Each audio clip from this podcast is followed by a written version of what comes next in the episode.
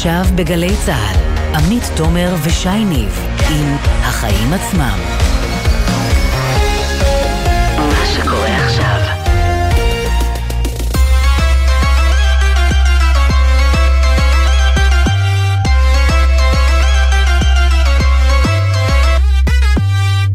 עכשיו שש וארבע דקות, אתם ואתן על החיים עצמם, התוכנית הכלכלית של גלי צה"ל. אני עמית תומר, וכאן איתי באולפן, שי ניב. שלום שי, הרבה זמן לא התראינו. שלום עמית, בהחלט, אה, טוב לחזור. אני מסכימה איתך, ויש לנו הרבה מאוד חדשות לחזור עליהן. כן, נכון מאוד, ובהתאם התוכנית שלנו עמוסה עמוסה, נדבר עם דוקטור רון מלכה, מנכ"ל משרד הכלכלה, על צונאמי עליות המחירים שמכה שוב באזרחי ישראל. כן, וננסה להבין האם הם מנסים לעצור את השטף הזה. נעסוק גם בנתוני הלשכה המרכזית לסטטיסטיקה, שם מתברר שלמרות הניסיונות של משרדי הממשלה, קצב בניית הדירות להשכרה בטווח ארוך לא מזהיר, ואנחנו משלמים גם על זה ביוקר. כן, ואפרופו מחירי הדיור ומשרד האוצר, משפחת אה, איראני מוכרת לך? האמת, שמעתי את השם הזה היום פעם ראשונה. כן, אז מיד נברר קצת יותר על בני הזוג איראני אה, אה, שעומדים מאחורי אחת מעסקאות הנדל"ן היקרות שראינו, אפילו במשרד האוצר ככה מאוד אה, הסתקרנו.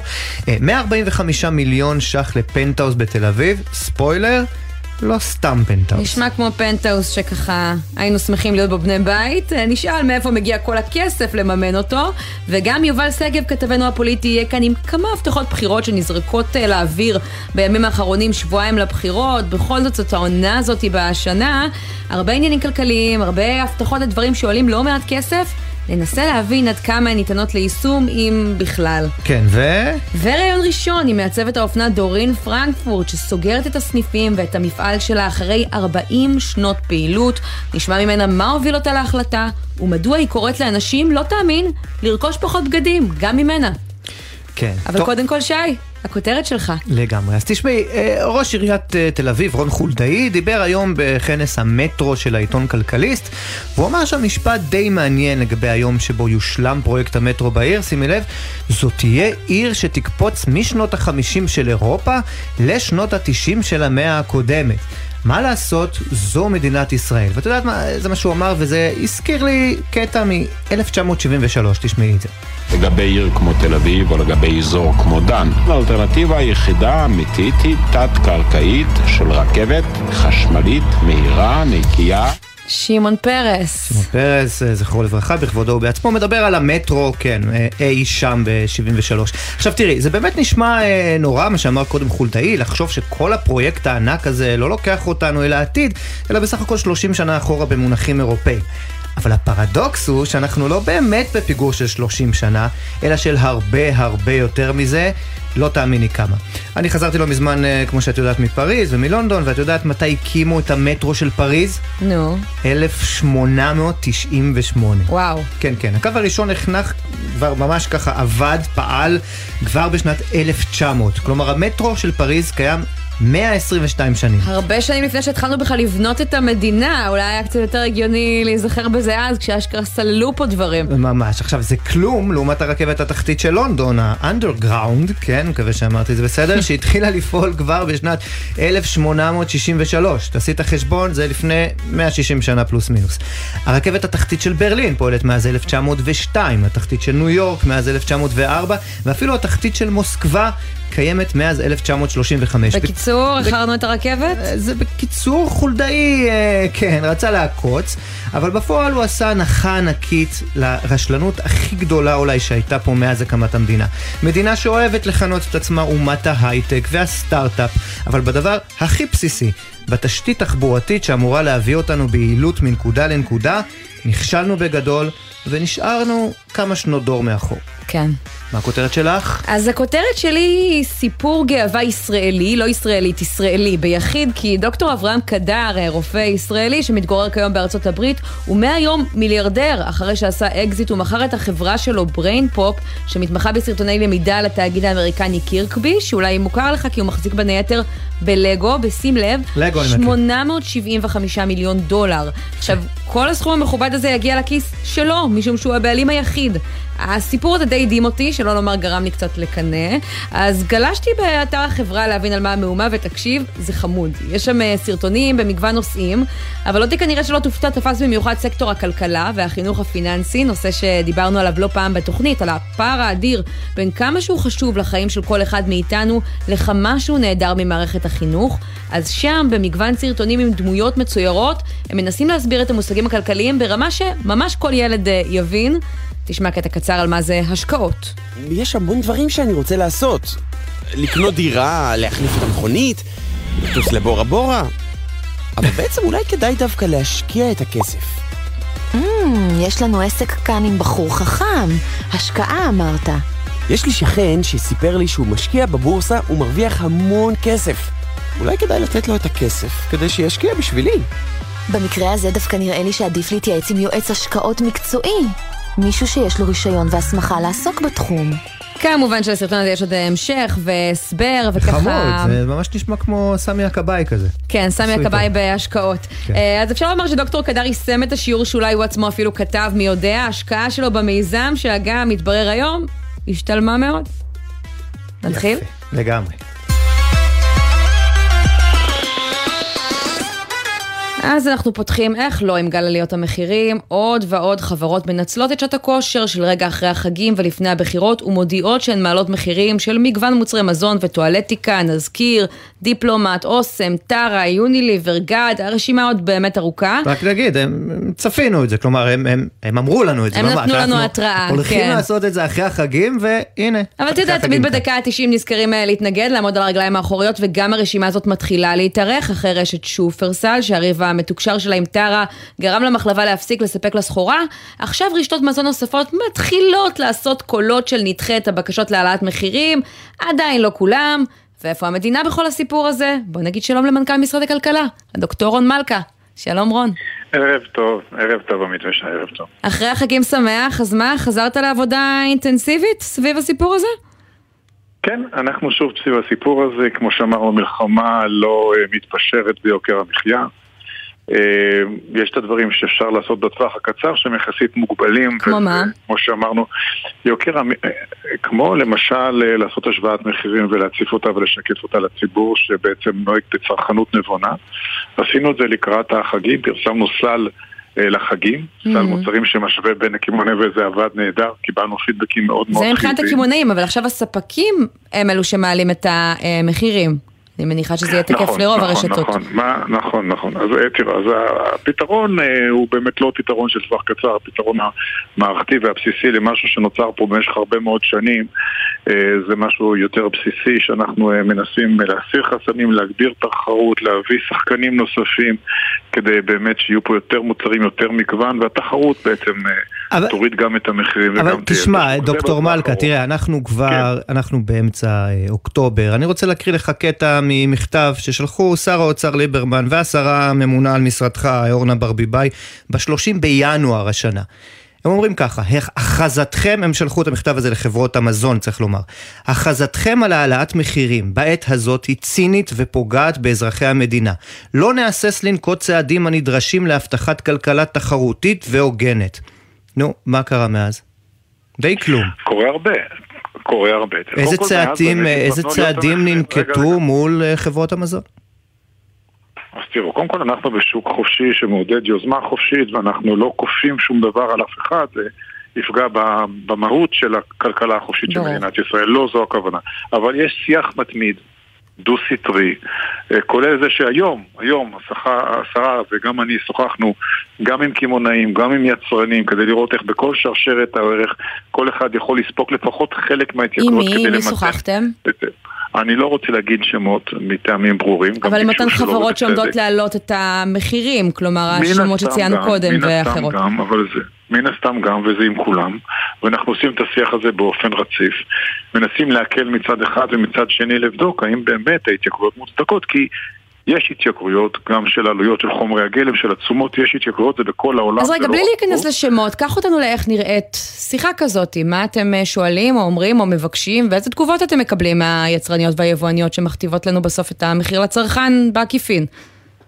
אז אנחנו רוצים למשל להבין מה עומד מאחורי ההתייקרויות, מהם המרכיבים במבנה עלות שגורם לזה שנדרשת עכשיו התייקרות ולמה בהיקף כזה ש, שבו מדובר. וזה דיע, זה, זה השתכנעת מההסברים שלהם? אז חלק אנחנו מקבלים וחלק לא, ואז אנחנו שואלים אוקיי, ומה אפשר לספוג כעת, וזה גם ברמה היצרנית וגם ברמה הקמעונאית. וכיצד אנחנו יכולים להקל. אנחנו למשל מאוד מקלים ביבוא עכשיו, אנחנו מבקשים שיקחו את זה בחשבון, אנחנו מקלים ברגולציה, אנחנו, מדובר עכשיו בעיקר על מזון ותמרוקים, החל בראשון בינואר, זאת הייתה הרפורמה הגדולה ביותר שנעשתה אי פעם במדינה בנושא הזה של אה, ביטול תקנים וחסמים של מזון ותמרוקים.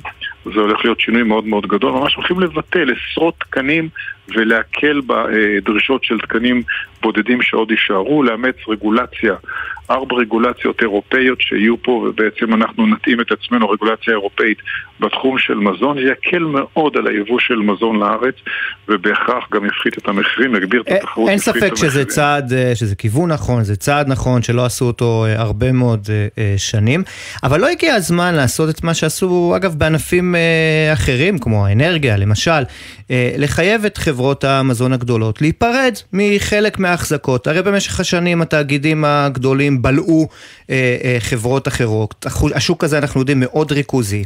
למה לא לפרק אותו בצורה כזו או אחרת ולהגדיל בצורה הזאת את התחרות? תראה, יש חוק ריכוזיות בארץ, ובאמת אנחנו פועלים על פי החוק הזה. צריך לזכור שאנחנו לא רוצים לשפוך את התינוק עם המים. אנחנו מצד אחד רוצים להגביר תחרות, אבל מצד שני לא רוצים לפגוע ביוזמה החופשית ובערך של היזמות והתחרות. זה מה שבעצם גרם לנו להיות כלכלה כל כך משגשגת, כל כך אה, מצליחה אור לגויים. אנחנו עכשיו עם פלא כלכלי בזכות זה שידענו לאזן בין הרצון מצד אחד לשוק חופשי שמעודד יוזמה חופשית ומצד שני שמירה על תחרות. כן, אבל אתה יודע, אם אנחנו... אוסם לא תחזיק אה, מחר בבוקר בטבעול נגיד, או החברה המרכזית למשקאות אה, אה, שמחזיקה בקוקה קולה והרבה מאוד מותגים אחרים לא תחזיק בנביעות, אני מניח שהמשק הישראלי לא יקרוס. זה נכון, המשק לא יקרוס, אבל הסיגמנט או מה שאתה משדר ליזם שבעצם בנה מותג, השקיע בו, אה, פרסם, אה, יצר אה, תדמית מסוימת והצלחה מסוימת בשוק ועכשיו לוקח זה משהו דרך אגב שאין לו תקדים. המדינה עשתה את זה, שוב, אני הזכרתי את תחום האנרגיה, אתה יודע, מי שמחזיק או החזיק במאגר תמר, בשלב מסוים לא יכול היה להחזיק בכריש או תנין וכן הלאה. מדינות מתקדמות נוקטות ברגולציה. שי, אז בוא תעשה הבחנה. יש בין לא לתת הרשאה לרכישה של חברה נוספת או לרישיון נוסף, לבין לקחת משהו קיים. אין לזה תקדים בשום כלכלה מערבית חופשית. יש בכלכלות מתוכננות, אבל לא בכלכלה מערבית חופשית, שלקחת ממישהו מותג שכבר יש לו, הדרך היא להביא עוד שחקנים, ולכן הממשלה הקימה רק לאחרונה את הוועדה להבאת רשתות קמעוניות זרות לארץ, שבראשה אני עומד, ואנחנו עושים פה פעילות אינטנסיבית. אנחנו באמת רואים כבר את, ה... את קרפור, את הניצנים הראשונים לא... שלה, יש עוד רשתות ש... שבדרך, נכון. אבל אני באמת, המאמצים האלה לטווח ארוך הם, הם חשובים, ואנחנו תמיד איכשהו מגיעים לנהל את השיחה הזאת, למרות שעם הזמן כבר גם עובר זמן, ועדיין, החל מהשבוע הבא, אה, מגוון מוצרים אה, של טואלטיקה, של מזון, לפעמים אותו מוצר של כמה מותגים מקבילים הולכים להתייקר ובשיעורים באמת גבוהים. ראינו גם בקשות להתייקרויות של 20 ו-25 אחוזים. אתם אומרים, אתה אומר שדיברת עם החברות היום, איך זה עומד להיגמר? יש סיכוי לעצור את זה? לעצור אני מניח שלא, אבל למתן כן. אני מניח שחלק יספגו יצרנים, חלק יספגו קמעונאים. וכשתהיה פה תחרות אז חלק יותר גדול מזה יספק, ובאמת אנחנו עושים את השיח הזה בשנה האחרונה הרבה, והראיה היא שנכון שיש התייקרויות, אבל אם נשווה לעולם, ואנחנו רואים חלק מהעולם, ויש פה כלים שלובים, אז ההתייקרויות בארץ יותר מתונות. התחלנו אומנם מרמה גבוהה, זה. אבל את רואה שאנחנו רואים כן את הניצנים של הפעולות שאנחנו עושים. עדיין ההתייקרויות בארץ יותר מתונות מאשר בקבוצת הייחוס שלנו, קבוצת ההשוואה שלנו, ואת זה צריך לקחת בחשבון. התייקרויות של חומרי גלם ספציפית עכשיו עם הנושאים שבהם מדובר, אז מוצרי הנייר בעולם התייקרו מאוד, למרות שעכשיו כבר קצת בירידה, אנחנו אחרי העליות הגדולות של המשבר בין רוסיה לאוקראינה, מחירי השינוע ירדו ששמענו עליהם הרבה. נכון, בסוף המחיר הסופי הוא שיווי משקל של הרבה מאוד תהליכים וגורמים. אבל נדבר עכשיו על מוצרי הנייר, שזה בעצם מה שגורם בעיקר להתייקרויות שאנחנו מדברים עליהן עכשיו. אז חומר, חומר הגלם בכל העולם, התאית התייקר. הוא במחסור גדול מאוד והתייקר. כן. אז שאני אה, בשיח עם יצרן, ואני רואה את המחירים, ואני רואה את מבנה העלויות שלו, ואני רואה לפעמים חלק מוצדק, חלק לא אבל מוצדק. אתה כן אומר, זהו, בחלק מהמקרים יש תחושה שמנסים לרכוב על הגל. אנחנו, הדרך לא לתת לאף אחד לרכוב על גל היא תחרות. זו הדרך האולטימטיבית. ואני אומר, ובעניין הזה אנחנו עושים הרבה. גם מסירים חסמים, גם מביאים שחקנים נוספים. ככל שיותר שחקנים אה, ויותר מתחרים, אז גם המחירים יהיו אה, אה, מחירים נכונים כן. של שיווי משקל בשוק חופשי. דוקטור רון מלכה. מנכ"ל משרד הכלכלה, תודה רבה על הדברים האלה, ונקווה שהמאמצים שלכם יישאו פירות. אנחנו נמשיך לעשות כל מאמץ. תודה וערב טוב. תודה. ואנחנו uh, עוברים מהתייקרות אחת להתייקרות uh, אחרת, מחירי הדיור שממשיכים לזנק בשיעורים גבוהים לא פחות. העלאות הריבית נוטות את אותותיהם גם על רוכשי הדירות, אבל לא פחות על השוכרים, שלא פעם ההוצאה הנוספת עכשיו מתגלגלת עליהם. במדד המחירים האחרון לחודש uh, ספטמבר ראינו עוד שיא, זינוק של 8% בשכר הדירה בממוצע לישראלים שנכנסו באותו חודש לדירה חדשה. הממשלה הבטיחה גם בתחום הזה שתדאג להגדלת מלאי הדירות להשכרה כדי להילחם בזה. אבל נדמה שפועלים שם מעט מדי ומאוחר מדי. בואו נגיד שלום בעניין הזה לחיים קרדי, שלום. שלום, ערב טוב. מנכ"ל פרשובסקי מניבים, תספר לנו קצת על הפעילות שלכם, כמה דירות להשכרה יש בבעלותכם?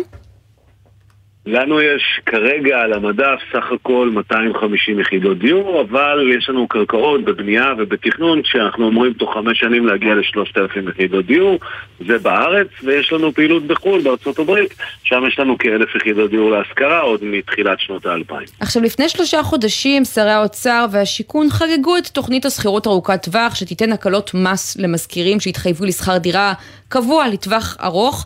זה גרם לכם להגביר מאז את קצב הבנייה, אה, קניית השטחים, אה, באמת אה, ככה בניית דירות מהסוג הזה?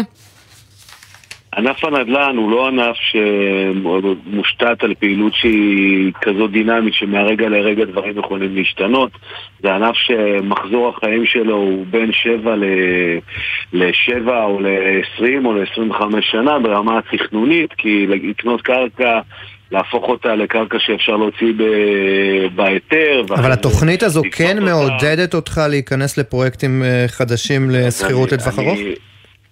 מיד אענה, התוכנית הזאת התחילה לתפוס אה, תאוצה כאשר הריבית הייתה נמוכה. כאשר סביבת הריבית הייתה כמעט אפס, אז uh, ההטבות שניתנו אז נתנו פתרונות גם לקבלנים ויזמים וגם לשוק ההון שחיפש אפיקי השקעה נוחים. היום כשהריבית כל כך גבוהה, פתאום ההטבות שניתנו קצת אה, נשחקות כי האלטרנטיבות שיש למשקיעים לשים את הכסף במקומות אחרים מה שירחיק מה, מהשוק את, אה, את קרנות ההשקעה וישאיר בתוכה אך ורק את הקבלנים שהם לא מספיק בשביל להגדיל את השוק. הזה זה פעם אחת זה מנקודת מבט אחת. ונקודה שנייה בסופו של דבר דיור להשכרה הוא, הוא אפיק השקעה שאמור להיות אה, סולידי זאת אומרת, אם האלטרנטיבה של, של המשקיע, בין אם הוא אדם פרטי ובין אם הוא חברה, הוא מחפש השקעה שתהיה השקעה שהיא סולידית, לא השקעה מנייתית שבה התנודתיות מאוד גבוהה ולכן אנשים חוששים להשקיע שם את הכסף ולכן הם הלכו לאורך כל השנים להשקיע בנדל"ן כי אמרו בנדל"ן ההשקעה היא סולידית, הערך ישמור על עצמו. מצד שני, כאשר סביבת הריבית מאוד נמוכה, קשה מאוד לגרום לאנשים לבוא להשקיע בתחום הזה. כן, הזכרת שאתם פועלים... כן, כן. ואז נוצר מצב ש, שהמשקיעים בורחים מהתחום, ו, ואז יש מחסור בדירות, ואנחנו באמת רואים שיש פה שני, שני ראשי חץ לעניין. פעם אחת, המדינה שלא השכילה להוציא מספיק יחידות דיור בכלל, גם למכירה וגם להשכרה לאורך השנים, מה שיצר מצב של מחסור בשוק, וכאן יש ויכוח בין, אה, בין הגורמים השונים, אם יש מחסור של 100 או 200 אלף יחידות דיור שכבר לשוק הקיים, ופעם שנייה, בתחזית ארוכת הטווח של עד 2040, שבה מדברים על צורך שאם יבנו כל שנה כ-100 אלף יחידות דיור, הדבר הזה יגרום ל- ל- לרוויה בשוק ובאמת נוכל לראות ירידת מחירים. כן. לצערי, זה לא קורה וגם לא, לא רואים שזה יקרה. אה, כי השוק הזה, מעבר לזה שהמדינה צריכה לשווק קרקעות, זה עדיין לא מספיק. צריך שהרשויות המקומיות וועדות התכנון ידעו לתכנן את הטבעות האלה, ידעו להוציא בגינם היתרי בנייה, חברת חשמל תוכל לחבר את הדירות האלה לרשת החשמל. אבל מה שאתה אומר נכון. לגבי דירות להשכרה באופן כללי, והרבה פעמים אנחנו רואים שהן מגיעות עם תג מחיר מאוד אה, גבוה. מה מבטיח לנו שאם באמת ככה יפשטו את כל הבירוקרטיות האלה, תהיה כאן אה, דיור להשכרה אה, לטווח ארוך במחיר קבוע, שככה ישחרר סוחרים מהחששות אה, האם בשנה הבאה הם יוכלו להמשיך להתגורר תחת אותה קורת גג. אז אני אענה לך, את זה בצורה פשוטה. אם את הולכת למדינות אה, ב-OECD, כמו המדינות הדניות, יכולה לראות ששם למעלה מ-60% מהתושבים גרים בשכירות. ואילו בישראל למעלה מ-65% מהאנשים הם בעלים של דירות. ה- ה- המתכונת שבה אנחנו חיים היא סוג של פרדוקס. מצד אחד, המדינה האחת היקרות בעולם בתחום הדיור זה ישראל. דירה בישראל עולה בעלות שלה כמעט הכי יקר בעולם מצד אחד. מצד שני, אחוז הבעלות הוא אחד הגבוהים בעולם. ואתה לא רואה שינוי במגמה. מבחינת הביקוש, מבחינת הזוגות הביקוש לא, צעירים? מבחינת הביקוש לא. כולם רוצים שתהיה דירה בבעלותם, כולם, לכולם זה חשוב. למרות שזה כבר בלתי אפשרי להרשות אה, לעצמו- לרכוש היום. לא, להגיד בלתי אפשרי זה מילה קצת אה, מוגזמת. קשה מאוד, תסכים מאוד איתי. קשה, מאוד קשה לקנות דירה, ואנחנו הרי חברה שהיא גם חברה יזמית. יש לנו פרשקובסקי שמוכרת דירות למגורים בכל רחבי הארץ, ואנחנו באמת רואים שהביקוש לא נפגע, אבל הקושי של האנשים לבצע את הרכישה הוא, הוא, הוא, מוג- הוא גדול יותר, מה, ש, מה שיגרום לאנשים לבוא לשוק השכירות. העניין הוא שככל שהדירות יקרות ויש פחות דירות בשוק, המחיר גם בשכירות הוא עולה, ולכן ראיתם את העלייה הגדולה בתחום השכירות, ש- שהיא תמיד בסוף מגמה אחת אחורה, לג אחד אחורה, אחרי תחום המגור, אחרי תחום הדירות למכירה. זאת אומרת שאם שוק המכירה, השווי של הדירות יעלה כתוצאה, לדוגמה, מעליית הריבית, הרי בסופו של דבר קבלן שמוכר דירות, סתם לדוגמה בתל אביב, יעלה את המחיר של הדירות האלה כל שנה כמו שקרה בשנה האחרונה, כמעט 20 אחוז. דהיינו, בסופו של דבר, בשנה הבאה אנחנו נראה גם עליית מחיר בשכירות עצמה. כי האדם הסביר שיקנה דירה להשכרה, או חברה שיהיה לה בבעלותה דירות להשכרה, אם הדירות האלה יעלו, השווי של הדירות יעלה, היא גם תעלה את מחיר השכירות. מגלגל את זה הלאה, כן. מגלגל את זה הלאה, כי בסוף הוא צריך להרוויח את האחוזים שלו. את- אתה זה- הזכרת זה קודם, אחת. הזכרת קודם שאתם עובדים גם ב- בארצות הברית. אה, אה, נכון. ת- תספר לנו, שם קל יותר אה, להרים פרויקטים כאלה של שכירות ארוכת טווח? תראה, ש... קודם כל שם יש משאב אחד שהוא לא דומה למשאב שלנו, והוא השט, הקרקע. כמות הקרקע שם היא, היא, היא מטורפת. פעם אחת. פעם שנייה, הגידול באוכלוסייה בישראל אין לו אח ורע בעולם המערבי. אנחנו גדלים בצורה דרמטית, בניגוד אליהם. פעם שלישית, התרבות.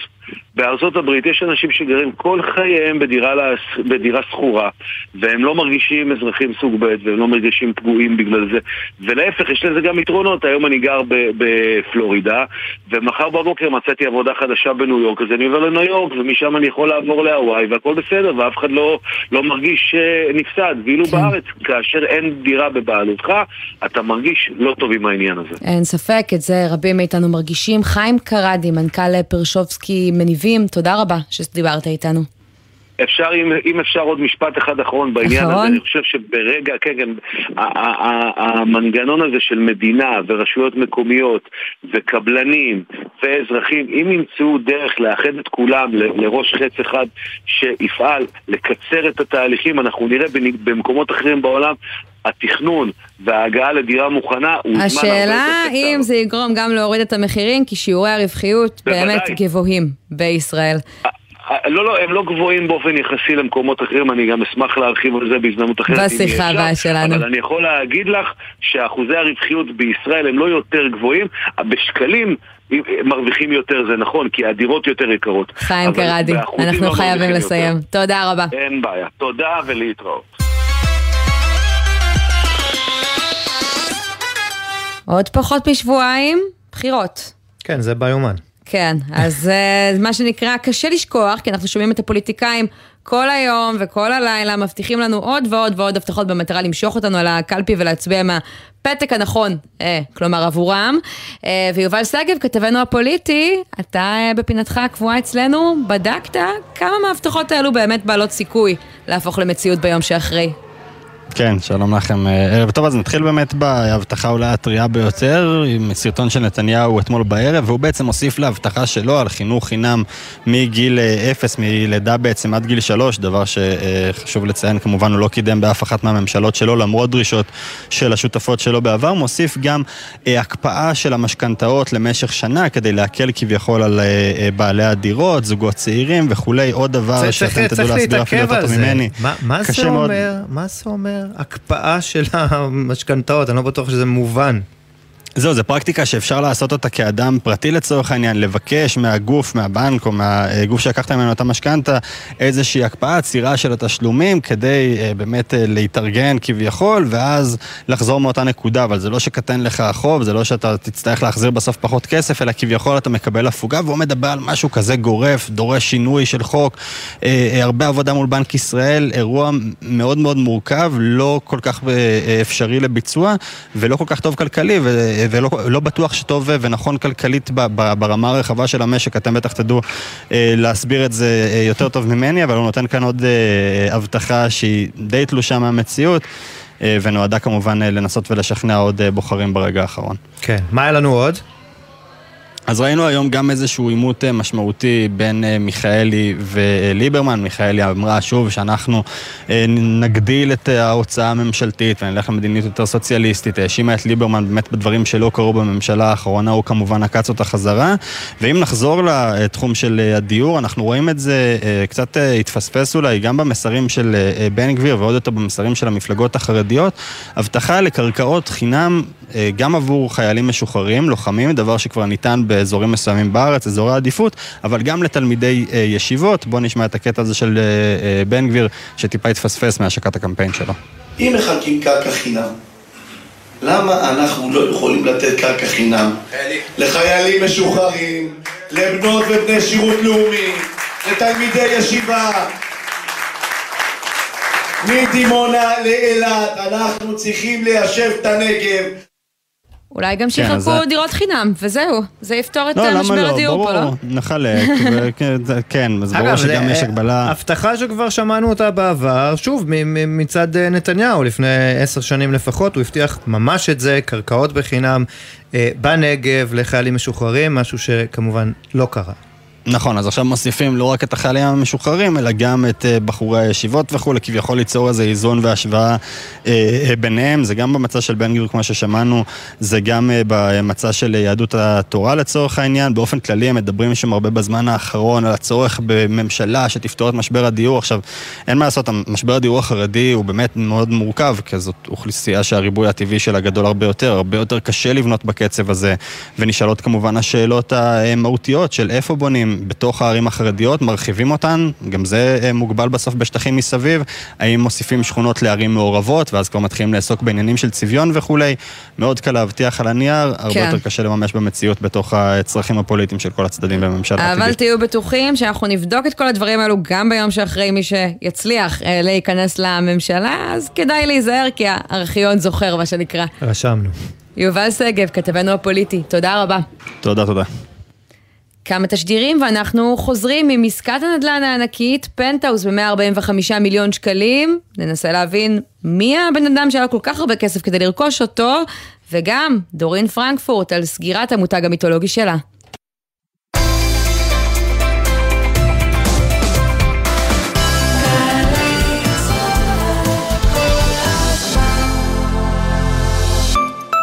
מהאולפנה והתיכון למשרד הביטחון. אנחנו מבטיחים לך תפקיד איכותי ועתיד משמעותי בליבת העשייה הביטחונית של מדינת ישראל. מצוינות וציונות הן אצלך בנשמה? בואי לשירות לאומי משמעותי במשרד הביטחון. במגוון תפקידי ספר סייבר, טכנולוגיה, הדרכה, לוגיסטיקה, משאבי אנוש ותקשורת. ותוכלי להיות חלק מן העתיד הביטחוני של המדינה ושלך. ההרשמה לשירות הלאומי החלה. פרטים באתר עמותת של שילה, עמותת בת עמי, עמותת שלומית שילת ומשרד הביטחון. הכי לאומי, שירות בתפקיד ביטחוני עכשיו בגלי צה"ל, עמית תומר ושייני עם החיים עצמם. חזרנו, ועכשיו אנחנו לעסקת נדל"ן לא שגרתית, כל כך לא שגרתית, שגם באגף הכלכלנית הראשית באוצר התייחסו אליה כחריגה. פנטהאוז בתל אביב, במגדל שלום, ב-145 מיליון שקלים. לא פחות. אני חייב להגיד לך שבכלל לא ידעתי שיש בתי מגורים במגדל שלום, כן? הייתי בטוח שזה במגדל אה, למשרדים בלבד. שי, כשיש לך מספיק כסף, 145 מיליון שקלים, אני חושבת שאפשר לקנות פנטהאוז בכל מקום. ממש, גם את ההיתר למגורים, כן? כן, אז אה, בוא נגיד שלום אה, בעניין הזה לאורנה יפת מכלכליסט, שלום. שלום וברכה, ערב טוב. אז אה, תספרי לנו מי הקונה המאושר, רוני ויפעת איראני? אני נתקלתי פעם ראשונה היום בשם הזה, אבל רבים מאיתנו מכירים את מה שהם מתעסקים בו. נכון. הם באמת משפחת איראני, הם מתחת לרדאר קצת, למרות שהם בין המשפחות העשירות בישראל, אבל הם פחות אה, אוהבים אה, להיחשף. אה, אז משפחה באמת אה, אה, עשירה, אנחנו מכירים את, ה, את הרשת הקמעונאית שלהם, פקטורי 54, זה, ה, זה העסק המוכר שלהם, אבל יש להם עוד הרבה עסקים.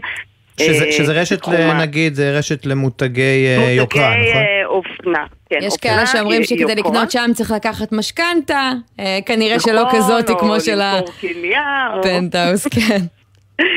אז הם באמת, הם, הם, מעבר לעסקי הקמעונאות, הם גם זכיינים של הרבה מותגי אופנה יקרה שנמכרים בין היתר ברשת הזאת ובעוד רשתות אה, ייעודיות למותגים עצמם, זה דולצ'ה וגבנה, ודולצ'ה וגבנה, ולטינו, אה, מייקלי פורס, ארמני, אה, אוקו בוס. טומי הילפיגר ועוד ועוד, לאחרונה הם גם קיבלו את... דברים שאני ככה סתם זורק על עצמי בבוקר. לגמרי. ואז הם לאחרונה אה, קיבלו את, ה, את הזיכיון למותג הספורט הפופולרי אה, לולו למון, וגם לא הם עומדים אה, לפתוח אה, אה, רשת חנויות. צריך לומר, המשפחה, המשפחה לא התחילה בתחום האופנה, נכון? לפחות האבא. אני, נכון, את מגיעה לשם, כן. אני תכף אגיע לשם, אבל לפני כן אני רוצה להגיד שהם גם שותפים ב... יש להם הרבה נדל"ן שאנחנו לא יודעים כי הם באמת לא חברה ציבורית, הם חברה פרטית, אבל מה שאנחנו כן יודעים למשל זה שהם שותפים במתחם שרונה בתל אביב, ביחד עם חברת הנדל"ן רוגובין, ועוד קבוצה נוספת שמורכבת מ... מקרן מידס, מקבוצת אדלר חומסקי, מאיש העסקים העתידו, והם, ו, ואם אנחנו ככה רגע מסתובבים במתחם שרון, אז באמת הרבה מעסקי, מהחנויות שם, הם אה, חנויות אופנה ש, של, של קבוצת איראני. אבל כן, כמו שאמרת, באמת אה, הם לא התחילו מעסקי האופנה, בעצם מי שהקים את, ה, את העסקים לראשונה זה היה האבא, אברהם אה, איראני. אה, שהוא אבא של אה, רוני איתן, יוסי והאחות אה, אביבית. אברהם איראני הקים את חברה שנקראת אברהם איראני השקעות ומסחר, והוא בעצם, הוא, אברהם עלה מעיראק ב-1935, ובעצם הוא עשה את ההון שלו כסוחר שטרות בדרום תל אביב, מה שנקרא פעם אה, שוק חופשי כזה, הוא בעצם מראשוני הסוחרי, הסוחרים העצמאיים, כן. נאמר, בניירות ערך, נכון? משהו כזה, כן. ואחר כך הוא היה בעלים של חברת המילוט מכס, ואז הוא מכר את, ה, את, את העסקים הפיננסיים שלו, בין היתר לחברת מיגדל, ש... שהפכה את זה למגדל שוקי הון וכולי, ולעוד אה, זה, אבל בתחילת שנות האלפיים המשפחה החליטה ככה שהיא אה, אה, משנה כיוון והתמקדה בשוק האופנה. ואז באמת הוקמה רשת פקטורי 54, ו... ומשפחת איראני מעסיקה, הקבוצה, כקבוצת, בתחום האופנה, כקבוצת איראני, מעסיקה 1,500 עובדים. שזה די הרבה, זה אפילו מפתיע. זה הרבה.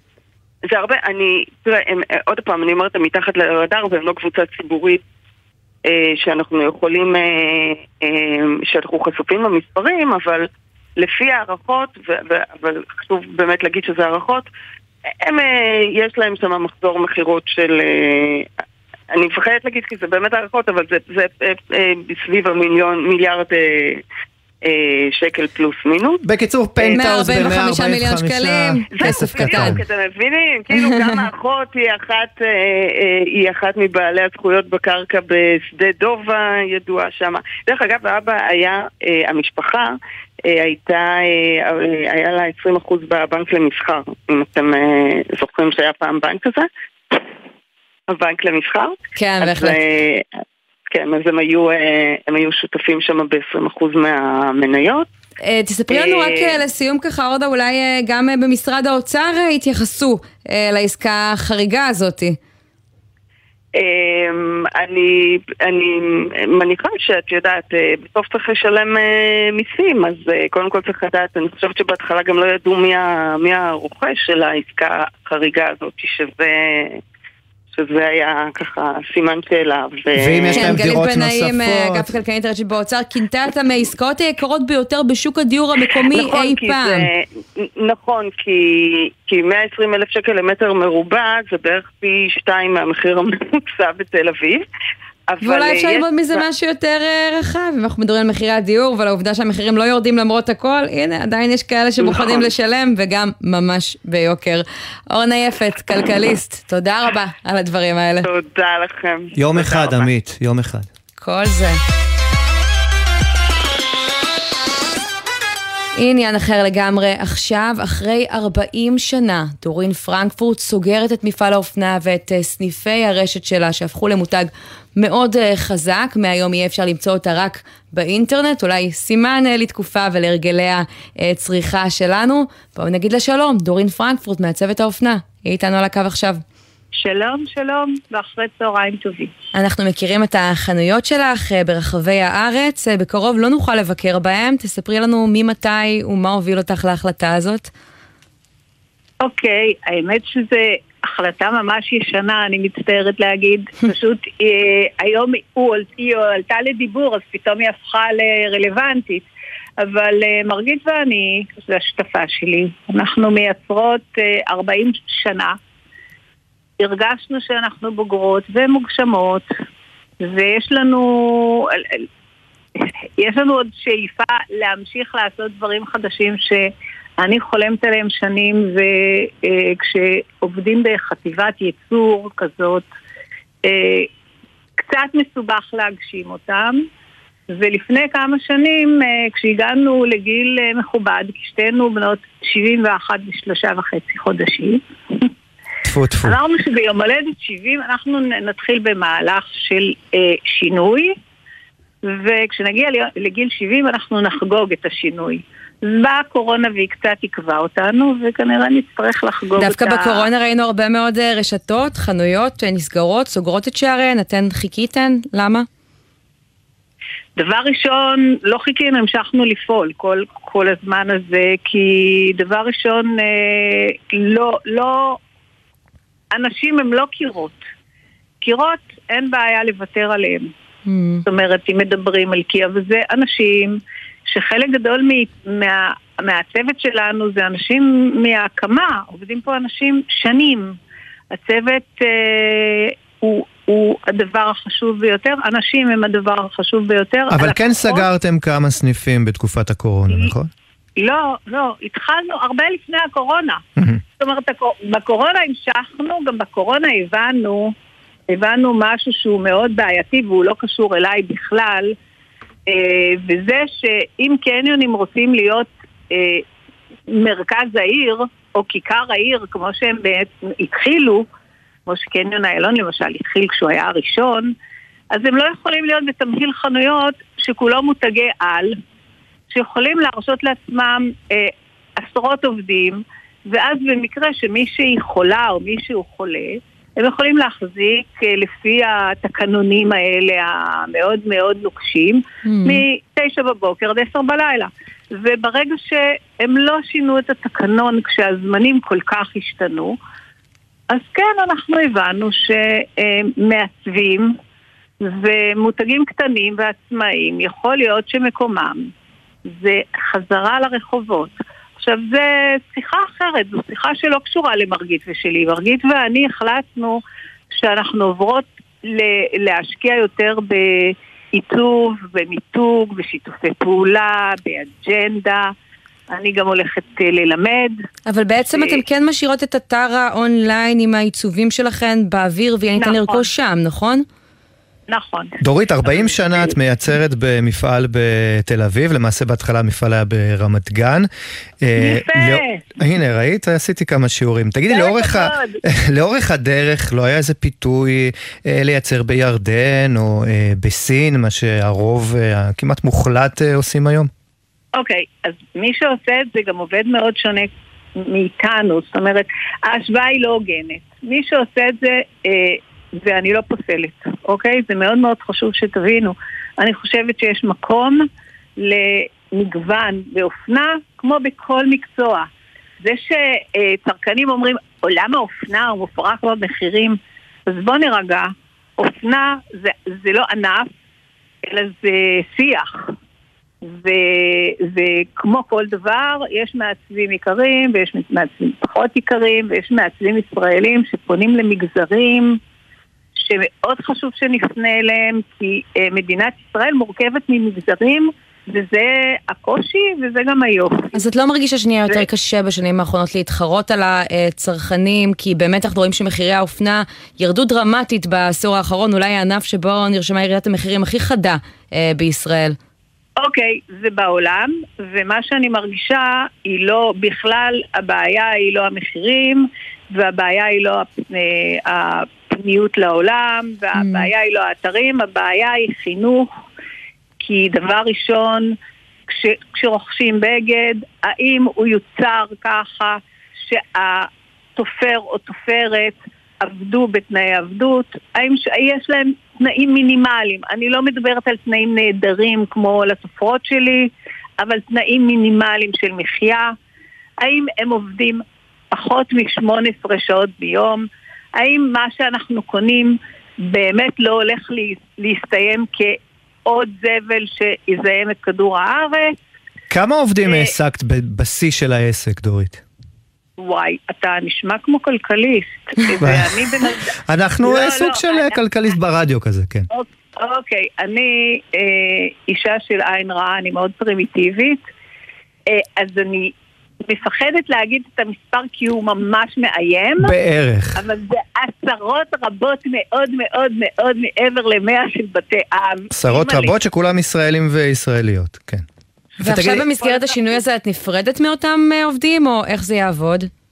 תראה, דבר ראשון, נפרדת זה תהליך, ות, ותהליך לא פשוט, ות, כאילו נפשית, זאת אומרת, ו, כי אה, אנשים זקוקים לעבודה, אנשים זקוקים לפרנסה, וכל עוד אני יודעת שלכולם יש פרנסה, זה מפשט עבורי את התהליך.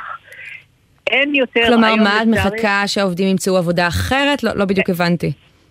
אה, אה, כולם מצאו את מקומם מהר מאוד, כי הם הכי שווים.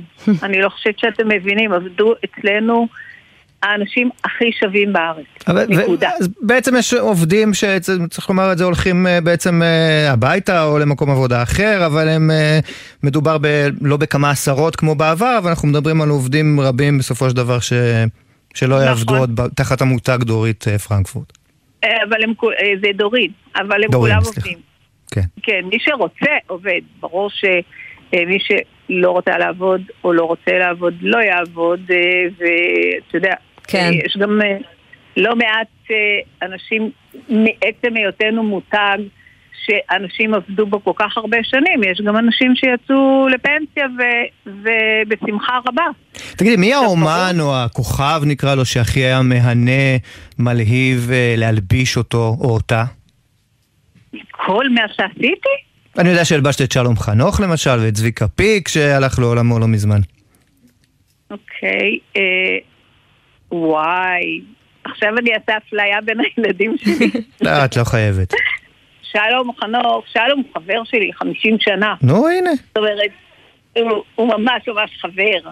כן, את הלבשת אותו בעצם לעטיפה של התקליט אה, חתונה לבנה. נכון.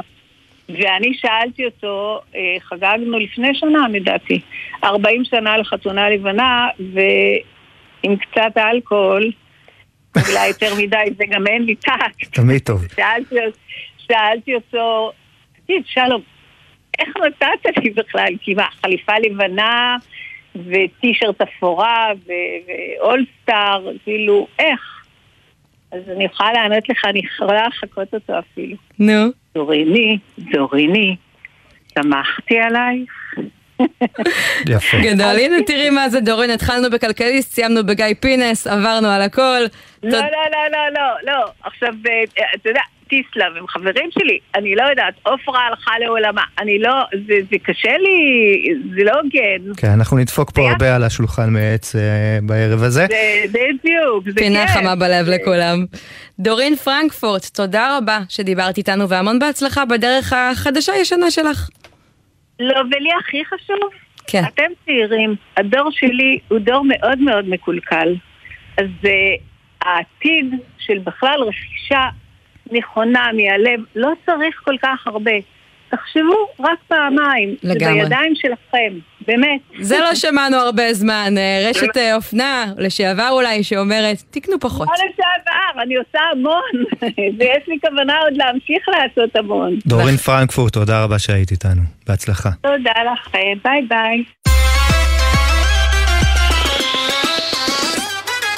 טוב, ביומיים האחרונים אנחנו חוזרים אה, לשגרה אחרי תקופת אה, חגים, שבה התרגלנו, חלקנו אולי לקום אה, בצהריים, מי שאין לו ילדים שי, אני כבר רואה את החיוך שלך. חלקנו, חלקנו. כן. לנוח, לקחת את זה ב easy, אבל בינתיים בטיק טוק יש דווקא טרנד הפוך שאומר לנצל כל שעה ביממה. עומר עזרן, כתבתם על טכנולוגיה, את אה, בדקת מה קורה שם. כן, אז ממש לפני כמה שבועות דיברנו כאן על ההתפטרות השקטה, טרנד בטיקטוק שקורא לצעירים לא להשקיע את כל חייהם בעבודה, אלא לעשות את המינימום, להתמקד בחיים האישיים, במשפחה, בפיתוח העצמי שלהם.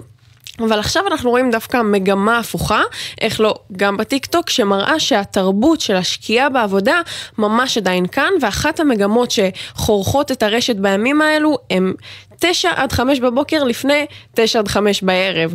9 to, uh, 5 to 9 לפני 9 to 5. והיא בעצם מתעדת את שגרת הבוקר של משכימי הקום, ככה זה נשמע. I just think it's so funny that the TikTok girlies are trying to convince us that they have a whole five to nine before their nine to five every morning. Like, let's be for real. You're getting an eight forty-five to nine from me.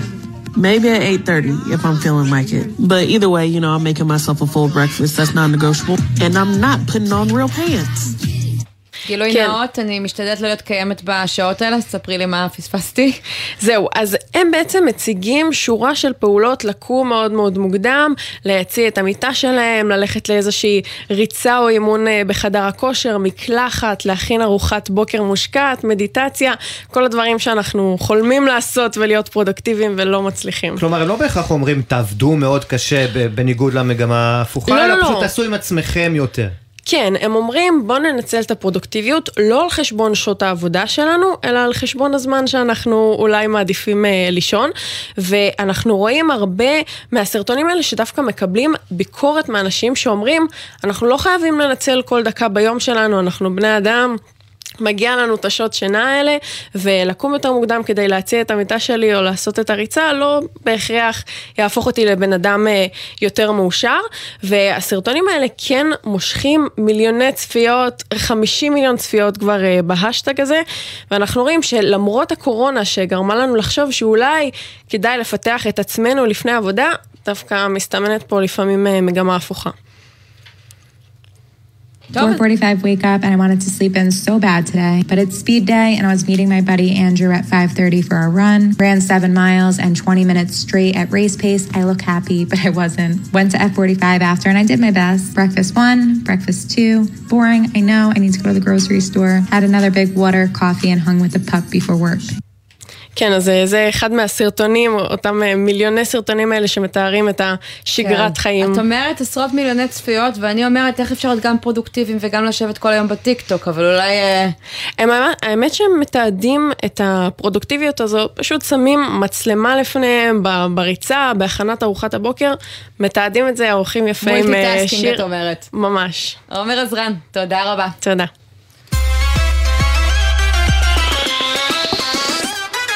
ועכשיו עוברים לשוק הטלוויזיה והסטרימינג הסבוך. אתמול נטפליקס, אה, ענקית התוכן, מפרסמת אה, דוחות, וכבר התרגלנו לשמוע על הפסדי ענק ועל אובדן של אה, מיליונים ועל חדשות רעות, אבל הפעם, הפתעה. אנחנו מגלים שנטפליקס מצליחה להשיב את המנויים שלה הביתה, והדוחות דווקא חיוביים. אז כתבת הטלוויזיה שלנו, מאיה יהלום, ספרי לנו מה סוד הקסם. שלום עמית, שלום שי. אז באמת אחרי שני רבעונים מאוד מאתגרים אה, בלשון המעטה, לחברת הזרמת התוכן הגדולה בעולם, החברה מדווחת על היפוך במגמה.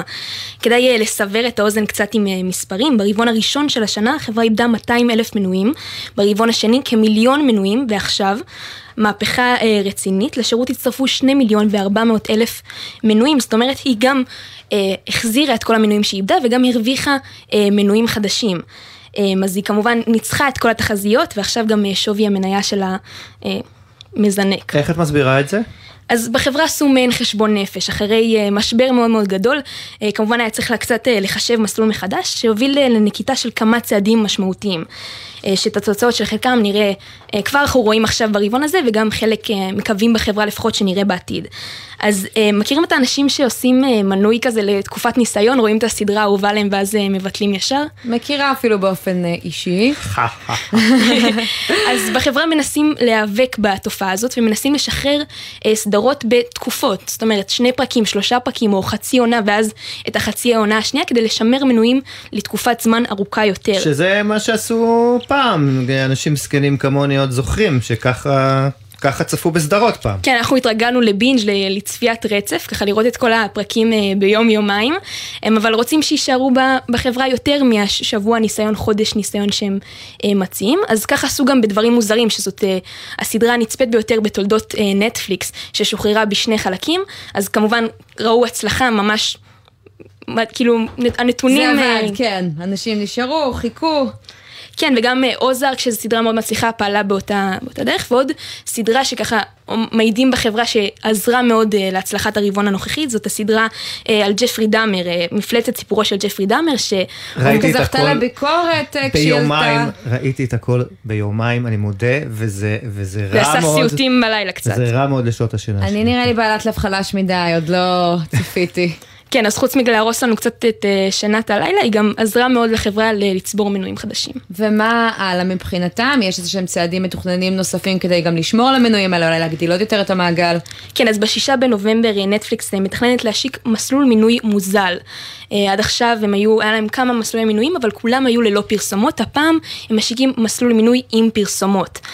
שזה קצת מהפכה אצל נטפליקס עצמם, שהציגו את עצמם כחברה שאפשר לצפות בה ללא הגבלה, זה ממש היה כן. הסגנון שלהם, עכשיו הם משיקים אה, מנוי עם פרסומות, שיהיה קצת מוזל, פונה לקהל רחב, מקווים ככה להגדיל את אה, מספר המנויים. אצלנו בישראל זה, זה גם צפוי לקרות לו. זה עדיין אין צפי בדיוק מתי זה ייכנס לישראל, כרגע זה נכנס ל-12 מדינות.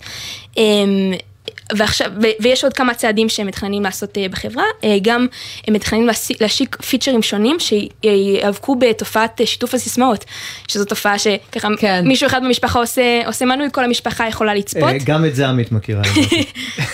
לא מאשרת ולא מכחישה, במילים אחרות הם לאט לאט מתחילים להבין איפה אנחנו ככה עובדים עליהם, מעגלים פינות. וחוסמים לנו, ומצד שני מגדילים את היצע התוכן כדי שנשאר למרות הם, הכל. אז הם ממשיכים uh, להשקיע בתוכן, וגם לש, להפיק, להשיק כל מיני פיצ'רים חדשים אה, שיאבקו בתופעה הזאת, אז כרגע, לפחות כרגע אחרי הרבעון הנוכחי, טד סרנדוס המנכ"ל וחבריו אה, בנטפליקס יכולים טיפה להיות רגועים, אבל אנחנו מכירים את שוק הזרמת התוכן, הסטרימינג המאוד מאוד סבוך ותחרותי, אז נראה שהם לא יכולים להיות רגועים מדי, אבל כרגע... טוב, נראה מה יהיה בפרק הבא. מה יהיה יהלום, כתבת דסק התרבות שלנו. את תעקבי, תודה רבה. תודה רבה. ניתן אה, עדכון אה, לסיום, אה, שי, לגבי עליות המחירים. כתבתנו עינב קרנר מעדכנת עכשיו באופן רשמי שעוד רשתות מצטרפות לשופרסל ומודיעות שלא תאשר את העלאת המחירים. אנחנו יודעים לספר על רשת מחסני השוק, על רשת ויקטורי ועל יוחננוף, ככה שהולך להיות קרב מאוד מעניין, והאמת גם מעניין ככה הסיבוב הזה שהן עושות, כי רק הבוקר איתן יוחננוף התראיין אצלנו כאן בבוקר טוב ישראל, מנגינה אחרת לגמרי, תשמע. לא ממהרים אה, לתת עליות מחירים. יש ספקים שהם עקשנים ורוצים את עליית המחיר שלהם. ואנחנו נצטרך להגיע להבנות בסופו של דבר. נתווכח על זה ובסוף נגיע לעמק השווה, כי בסוף אנחנו רוצים את המוצרים על המדפים. רוצים את המוצרים על המדפים, אבל עכשיו מתברר, לא ישלמו עליהם יותר. מעניין איך הסיפור הזה ייגמר. הנה, התקשורת לוחצת, הציבור ככה מתחיל להתעורר. זה וזה- תפקידנו. וזה עובד. כן. טוב מאוד. אנחנו כמובן נמשיך לעקוב גם ביום ראשון, בינתיים נגיד תודה לים יוסף שערך את המשדר הזה, תומר ברקאי ומאור קבבצ'י הפיקו, על הביצוע הטכני היו מיכל כהן וניב ירוקר, עורך הדיגיטל הוא יוסי ריס, ומיד אחרינו תהיה פה נורית קנטי עם 360 אה, ביום. אנחנו סיימנו, נהיה כאן שוב שנינו ביום ראשון, ועד אז אם יש לכם הצעות לאייטמים, לנושאים שאתם רוצים שנדבר עליהם, מהחיים עצמם שלכם, אתם מוזמנים לחפש אותי או את שי בטוויטר, תכתבו לנו, נגיע להכל. ביי ביי בינתיים.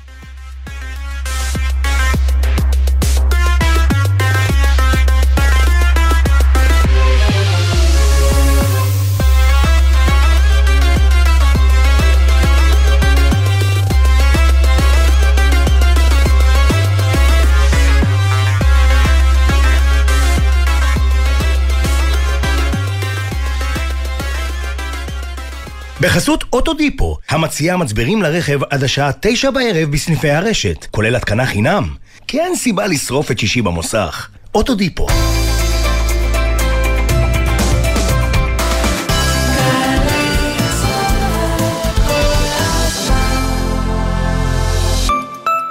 הקומדיה טוק טוק מגיעה ארצה.